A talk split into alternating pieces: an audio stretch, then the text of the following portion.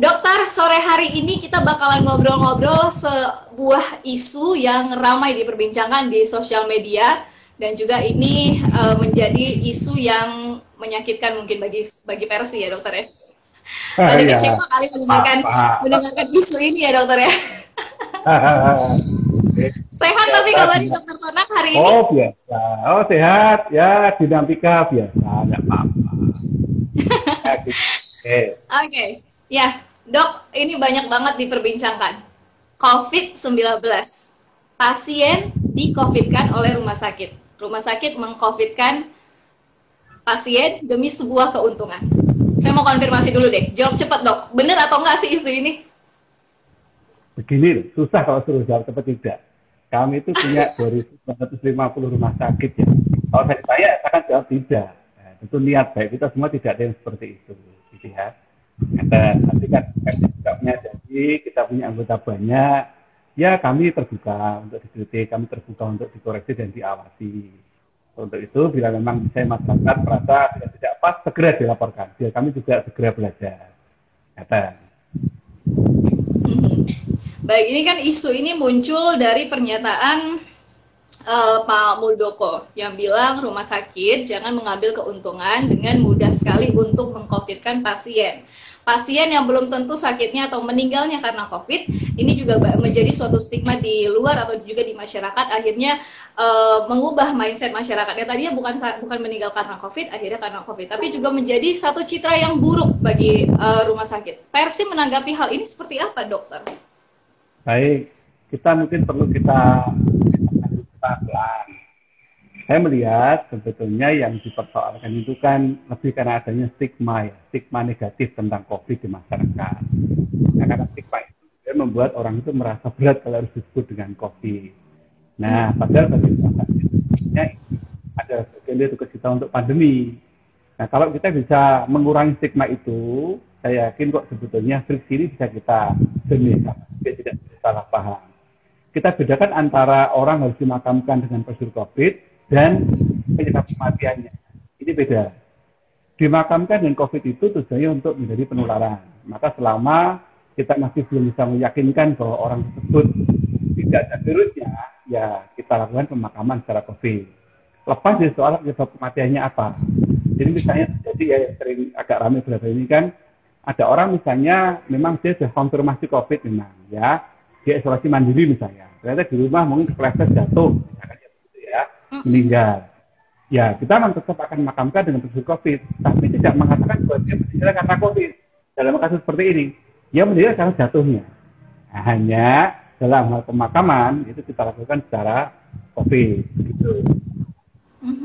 Artinya Katanya memang tidak ada di sini seperti mungkin pernyataan-pernyataan atau juga stigma di luar sana yang mungkin banyak memandang uh, negatif dari rumah sakit atau juga rumah sakit mencari keuntungan dengan mengcovidkan semua pasien oh. yang berobat di rumah sakit saat ini ya dokter ya. Oke, karena memang terus terang COVID tidak COVID itu sudah ada kriterianya dan kami tidak bisa sembarangan tentang seperti itu. Itu biasanya nah, dok proses proses seorang pasien berobat ke rumah sakit sampai akhirnya dia dinyatakan COVID ataupun juga ya. meninggal, baik itu terkait dengan COVID ataupun juga tidak. Sebenarnya seperti apa sih uh, dok di rumah sakit itu? Oh, nah, nah ini juga perlu kita sampaikan biar teman-teman tidak salah paham. Ya. Urutannya tetap, tetap pertama adalah bicara soal bagaimana dokter mendiagnosa. Itu ada pertama anamnesis. Anamnesis itu bicara soal riwayat dan informasinya. Misalnya apakah ada kontak erat, apakah ada sesuatu yang misalkan perjalanan dari tempat yang risiko tinggi, seterusnya dan juga ditanya lagi misalkan apakah ada gangguan suhunya, demamnya, atau apa yang dirasakan, apakah ada uh, masalah dengan penghidu dan seterusnya. Itu anamnesis. Kedua kita bicara pemeriksaan fisik. Kita cek bagaimana suhunya, bagaimana pernafasannya, bagaimana kondisi paru-parunya kita cek. Di situ kita bisa lakukan dengan foto ronsen juga. Kita lakukan foto ronsen, kita lakukan pemeriksaan laboratorium ini, laboratorium yang jadi dia bukan yang PCR ya. Kita rangkum semua ini, nanti akan muncul. Bisa dia pakai kata sebagai kontak erat, bisa sebagai kategori suatu uh, suspek, bisa kategori sebagai probable. Kemudian dari ini semua akan dilakukan pemeriksaan dengan pengambilan swab, sampel swab itu dan dikirimkan ke laboratorium pemeriksa PCR, diperiksa PCR-nya. Nanti kalau memang terbukti PCR-nya itu muncul positif, berarti dia adalah kasus konfirmasi namanya. Nah, begitu. Sampai titik itu sebetulnya. Nah, bagaimana soal penanganan berikutnya tergantung dari berat dan ringannya gejala. Kalau yang memang gejalanya itu ringan, ada pengetatan gejala itu cukup di rumah, isolasi mandiri di rumah.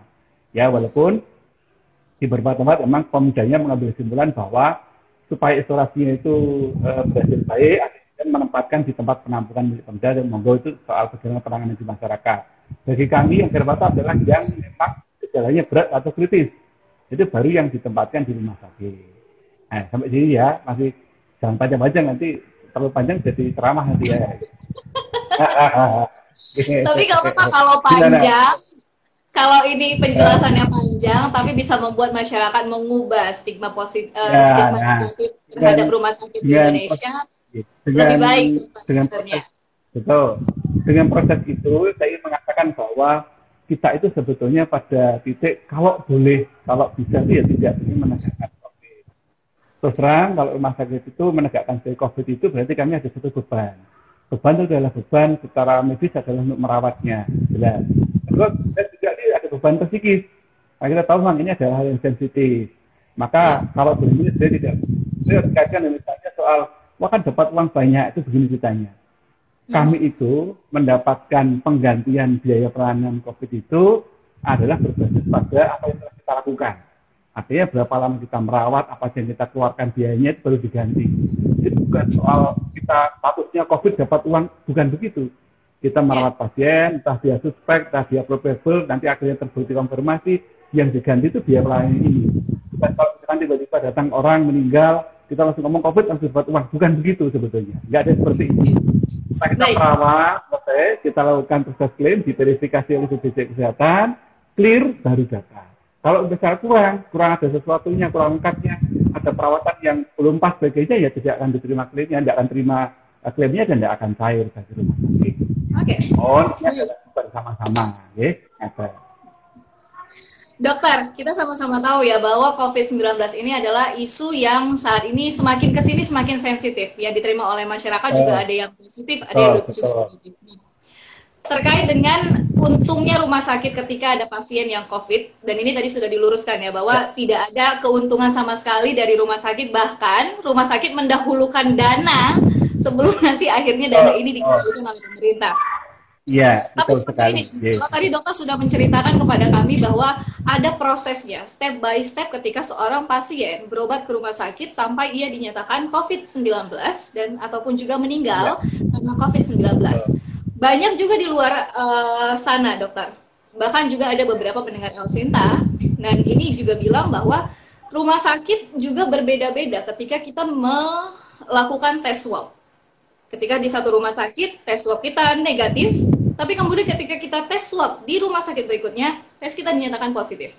Padahal jelang harinya itu tidak jauh juga dokter. Nah ini juga suatu uh, banyak ya stigma yang di luar sana bilang ini juga merupakan salah satu mencari keuntungan dari rumah sakit dong. Kita sudah mengeluarkan uang untuk melakukan tes swab mandiri tidak diganti oleh pemerintah, tapi juga rumah sakit yang dalam tanda kutip ya dokter ya mengada-ngada. Seperti apa ini dok? Baik, nomor satu dulu. Selama bulan Maret sampai sekarang ini, dari sekian ratus eh, tempat pemeriksaan PCR itu, yang sebagian besar adalah rumah sakit yang memeriksa PCR. Kami memeriksa pasien-pasien dengan tujuan untuk epidemiologi itu 95% dari seluruh pemeriksaan PCR. Jadi kalau hari ini sudah ada 2 juta seratusan orang yang diperiksa.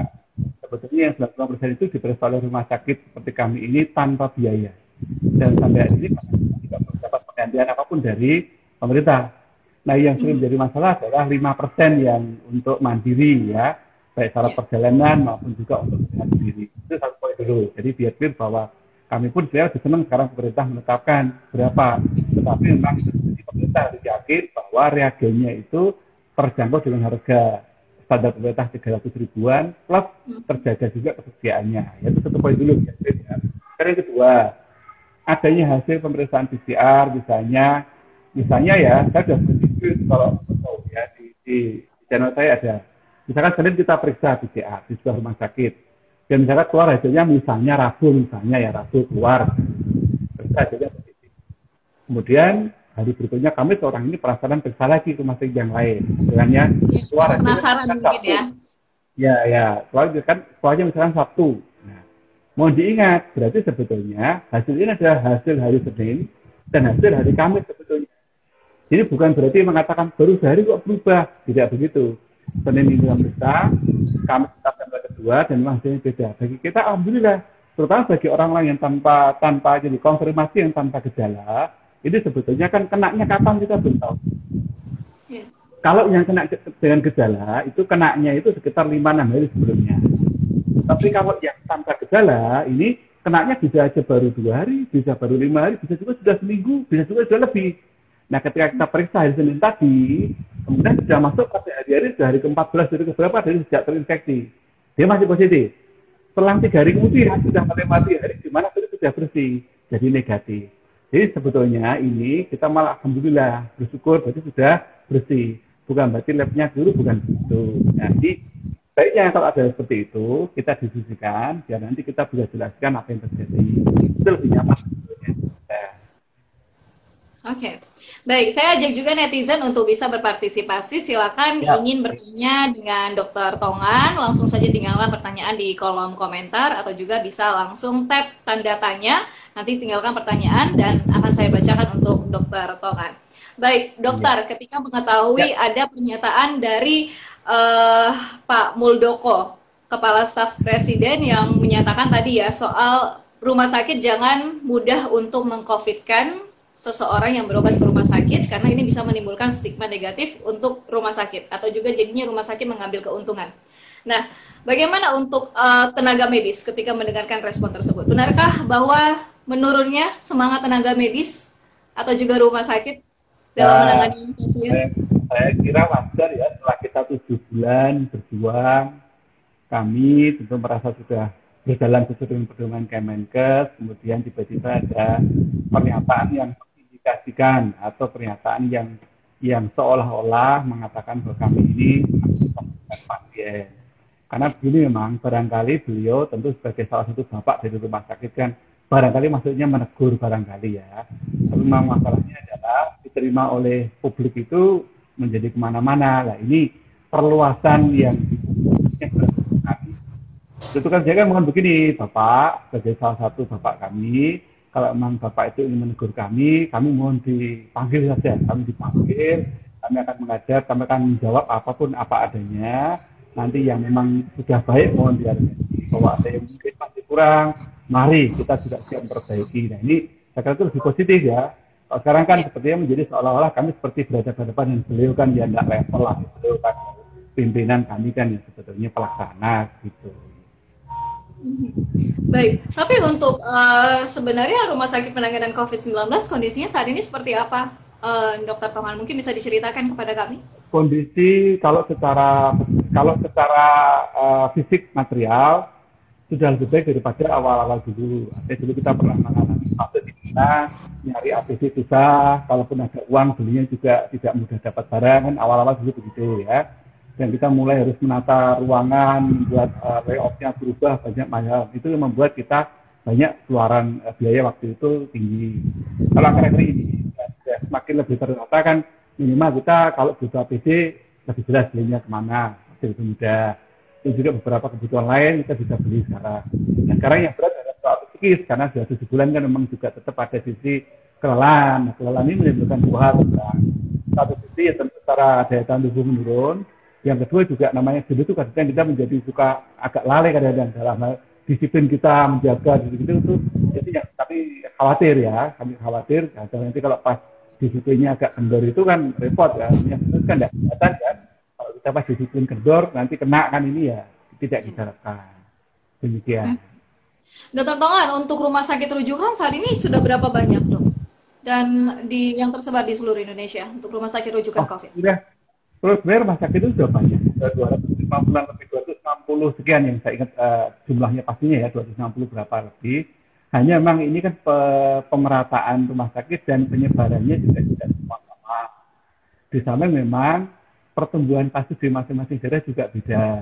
Kalau tempat misalkan Jakarta disebut terjadi sempat terjadi eh, kekhawatiran eh, menopo eh, jumlahnya tidak mampu mengimbangi karena memang Jakarta kan dengan pemeriksaan yang ini banyak. Jadi juga ada daerah yang mungkin pemeriksaannya belum begitu tinggi, juga kenaikannya belum Kami merasakan ini eh, dalam posisi eh, stabil tinggi, ya, dalam arti eh, tidak sampai penuh tapi ada terus istilah kita stabil tinggi, nah, tidak sampai melampaui uh, batas kemampuan. Kalau di daerah ya, Jakarta kayak tidak daerah, betul kita masih mampu menampung, memang, memang selalu ada terus, belum kelihatan turunnya saat ini. Beberapa hari yang lalu juga Presiden Joko Widodo meminta untuk rumah sakit tidak lama-lama mengeluarkan atau juga mengkonfirmasi hasil dari tes swab atau juga rapid test masyarakat Indonesia yang sudah melakukan testing. Ini juga suatu uh, upaya untuk dilakukan pemerintah dalam menekan angka COVID-19 agar mengetahui ya strategi dan juga langkahnya. Nah, dari versi sendiri menyikapi hal ini seperti apa, uh, Dokter Tongan? Apakah yeah. memang memakan waktu yang cukup lama? Kendala ada yang terjadi di rumah sakit mungkin? Ya, baik. Jadi pemeriksaan uh, PCR COVID itu bisa menggunakan dua jenis mesin. Ada mesin PCR biasa, ada mesin yang itu dengan tes cepat molekuler atau TCM singkatannya. Kalau yang mesin biasa ini kapasitasnya besar. Sekali jalan ada yang sampai 90, bahkan ada yang lebih besar lagi ada. Hanya karena dia besar, otomatis persiapannya lebih lama. Dia harus menyiapkan sampel, menyiapkan reagen lama itu Nah prosesnya bisa uh, lebih lama. Kalau pemeriksaan sendiri mungkin hanya sekitar 6 jam. Tapi kan persiapan segalanya biasanya selama tidak melampaui batas kemampuan laboratorium itu saya 24 jam selesai.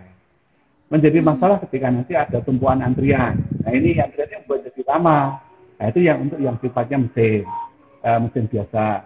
Kalau yang sifatnya TCM tadi itu saya lebih cepat, hanya satu dua jam selesai. Tapi kan kapasitasnya juga terbatas rata-rata sekitar uh, uh, modulnya itu ada 4 sama 8 yang banyak. Yang karena dikurangi kontrol harus ada positif kontrol, negatif kontrol maka kita lakukan hanya 2 atau sampai 6 kayak jalan. Ada memang yang sampai eh, 16 modul bisa untuk 14 sampel. Tapi semakin banyak sampel berarti otomatis kan perlu waktu juga lebih lama lagi. Nah, ya. tentu harga reagen dari mesin biasa dengan yang yang TCM ini beda. Yang TCM ini harganya memang lebih tinggi dan sudah didapatkan terang. Nah, kalau tadi Bapak Presiden mendorong kita untuk mempercepat, maka pilihannya sebetulnya adalah satu, tentu memperbanyak mesin dan menjaga ketersediaan dari reagen. Ini menjadi poin penting sebetulnya. Dan itu memang, mohon maaf, memang di luar ranah kami. Kami tidak mampu untuk untuk uh, dua hari itu. Maka sekarang kalau misalnya pemerintah sudah bisa menyediakan reagennya dengan baik, kita berusaha.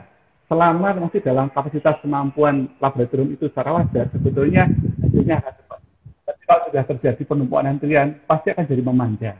Dan begitu memanjang, resikonya tadi itu ada pasien meninggal, akhirnya keluar, jadi friksi, jadi rame, salah paham. Ini kan serba salah kami juga. Tersebut. Tapi kalau pemeriksaan itu hasilnya bisa lebih cepat, kita berharap jangan sampai terjadi ada pasien meninggal sebelum hasilnya keluar.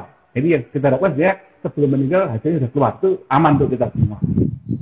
Oke. Okay.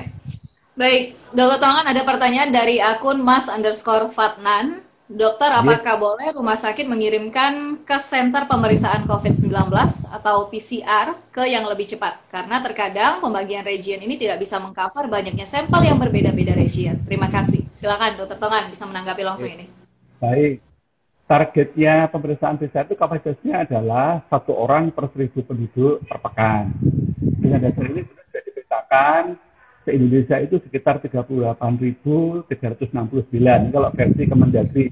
Kalau versi BNPB adalah 38.773. Ini untuk nasional, jadi pecah lagi per daerah. Nanti setiap daerah itu akan berusaha untuk mencapai target itu dengan cara mendayakan semaksimal mungkin laboratorium-laboratorium yang dimiliki. Nah, karena masing-masing daerah juga merasa perlu data ini, maka memang dibagi regio-regionnya. Supaya nanti jangan sampai terjadi ada yang cepat sekali, ada yang lambat sekali. Ya, akhirnya kita buat misalkan oh yang banyak kita dorong yang sana yang uh, sedang agak longgar kita, kita beli lagi begitu. Nah, ini adalah yang kita coba lakukan. Nah, kalau misalkan terjadi nanti di area yang berbeda, sebaiknya jangan. Karena kalau nanti kita menggunakan yang di area berbeda, nanti resikonya akan membuat pemetaan dari tes tadi menjadi tidak pas lagi, nanti jadi antrian lagi. Ya, ini kan jadi terbalik pada seperti ini kan salah-salah masyarakat nanti yang jadi ya. Dimohon tetap dalam koordinasi dari uh, dinas kesehatan tempat supaya hasilnya menjadi optimal.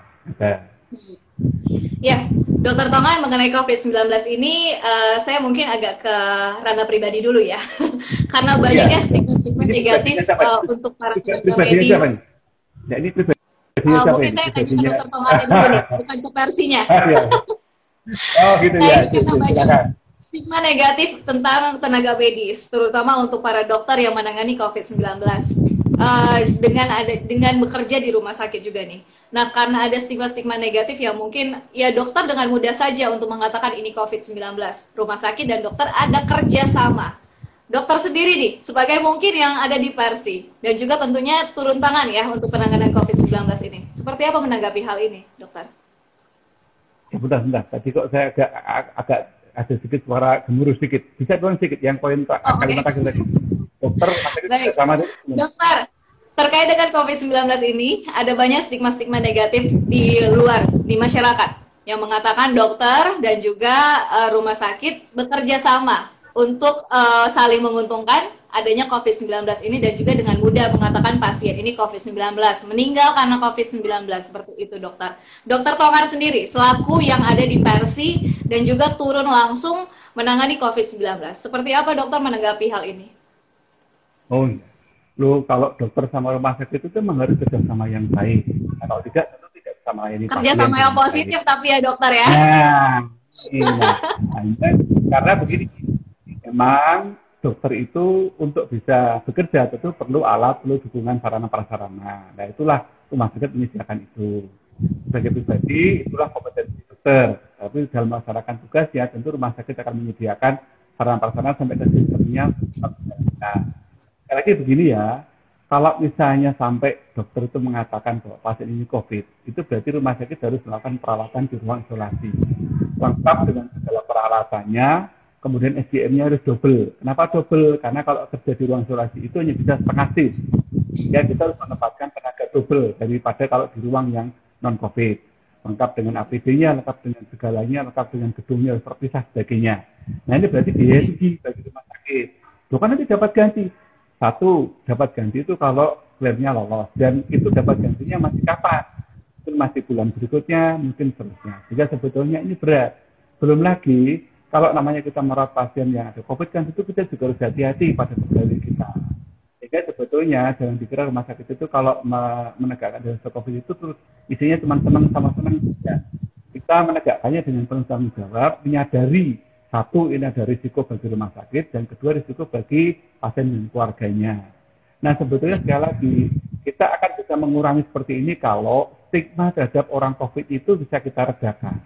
Kalau stigmanya itu, orang COVID itu bukan kesalahan, bukan aib, bukan dosa, bukan salah, uh, itu bisa kita kurangi. Atau misalkan begini, kalau ada orang konfirmasi terus rumahnya di portal nggak boleh dibuka, orang itu sebetulnya kurang pas. Nah, kalau kita bisa mengklirkan hal seperti itu, maka saya yakin orang memandang orang e, kena COVID itu sebetulnya justru mestinya kita menghargai dan membantu, tidak harus dijadikan beban harusnya begitu. Nah untuk mengurangi salah paham, sekarang masih sudah mulai ya bahwa sudah kita coba sebenarnya sudah mulai dua bulan lalu, misalkan keluarga kita juga di isolasi, maka kita berikan sarana misalnya silakan video call, silakan kalau perlu lihat dari CCTV itu kita kita sediakan, termasuk misalnya akses internetnya kita sediakan, dia lancar komunikasi. Itu supaya kita untuk menghilangkan salah paham. Bila mana misalkan sampai terjadi memang kondisinya buruk, kita tunjukkan, kita tunjukkan, kita perlihatkan supaya nanti keluarga bisa melihat dari luar. Ini kita sampaikan supaya nanti mengurangi salah paham tadi. Jadi kerjasama dokter di rumah sakit harus justru dalam rangka supaya pelayanan menjadi optimal. Bukan untuk kita mencari uangnya, bukan. Ya, begitu. Baik, ya dokter pertanyaan terakhir karena memang waktu kita tidak terlalu lama untuk membahas hal ini tapi di awal tadi kita sudah membahas dan sudah meluruskan dari isu yang memang ramai sekali diperbincangkan. Dari Persija sendiri sudah mengkonfirmasi mengenai rumah sakit menguntungkan menguntungkan rumah sakit dengan menyatakan pasien itu COVID-19 dokter mungkin ada yang ingin disampaikan kembali untuk masyarakat yang mungkin masih memiliki stigma negatif eh, stigma negatif terkait dengan rumah sakit ataupun juga tenaga medis yang sebenarnya sudah berjuang penuh dan kali ini banyak isu-isu negatif yang justru malah akan menurunkan semangat mereka dokter. Baik, kita punya satu sindrom. Kita sering merasa sudah berkomunikasi, padahal sebetulnya belum. Nah, usul kami untuk mengurangi friksi ini, kata-kata ada dua. Satu, mohon pemerintah mendorong percepatan hasil PCR. Kalau hasil tidak cepat, banyak masalah bisa kita atasi. Yang kedua, mari kita kurangi stigma terhadap pasien COVID itu dalam bentuk-bentuk yang dianggap mencekam, dianggap kurang manusiawi. Kalau yang dirawat di rumah isolasi, kita pertahankan komunikasi secara visual. Nanti kalau misalkan terpaksa dari meninggal, kita tentukan proses pemulasaraannya. Nanti setelah selesai pemulasaraan sudah bersih, sudah tidak menular lagi, kita mau ke tempat pemakaman, apa keluarga boleh? Boleh ikut, boleh. Apakah boleh menunggu di pemakaman? Boleh ikut yang tidak boleh adalah berkerumunnya. Karena berkerumunnya itu menimbulkan risiko penularan bukan dari jenazahnya, tapi dari yang sesama yang masih hidup tadi. Maka mari kita coba tata ulang bareng biar kesalahpahaman seperti ini bisa kita kurangi. Saya kok masih yakin ini soal salah paham. Tidak sampai ke soal yang terlalu buruk misalnya yang satu mencurigai, yang tidak lah. Ini hanya soal salah paham. Kita perbaiki bersama-sama agar pandemi bisa segera kita jadi bareng dan bisa segera selesai. Nah, terima kasih. Salam sejahtera, salam sehat untuk semuanya ya.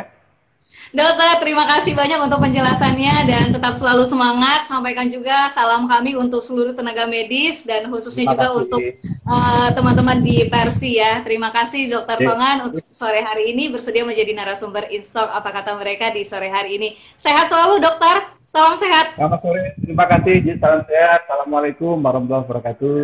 Waalaikumsalam warahmatullahi wabarakatuh.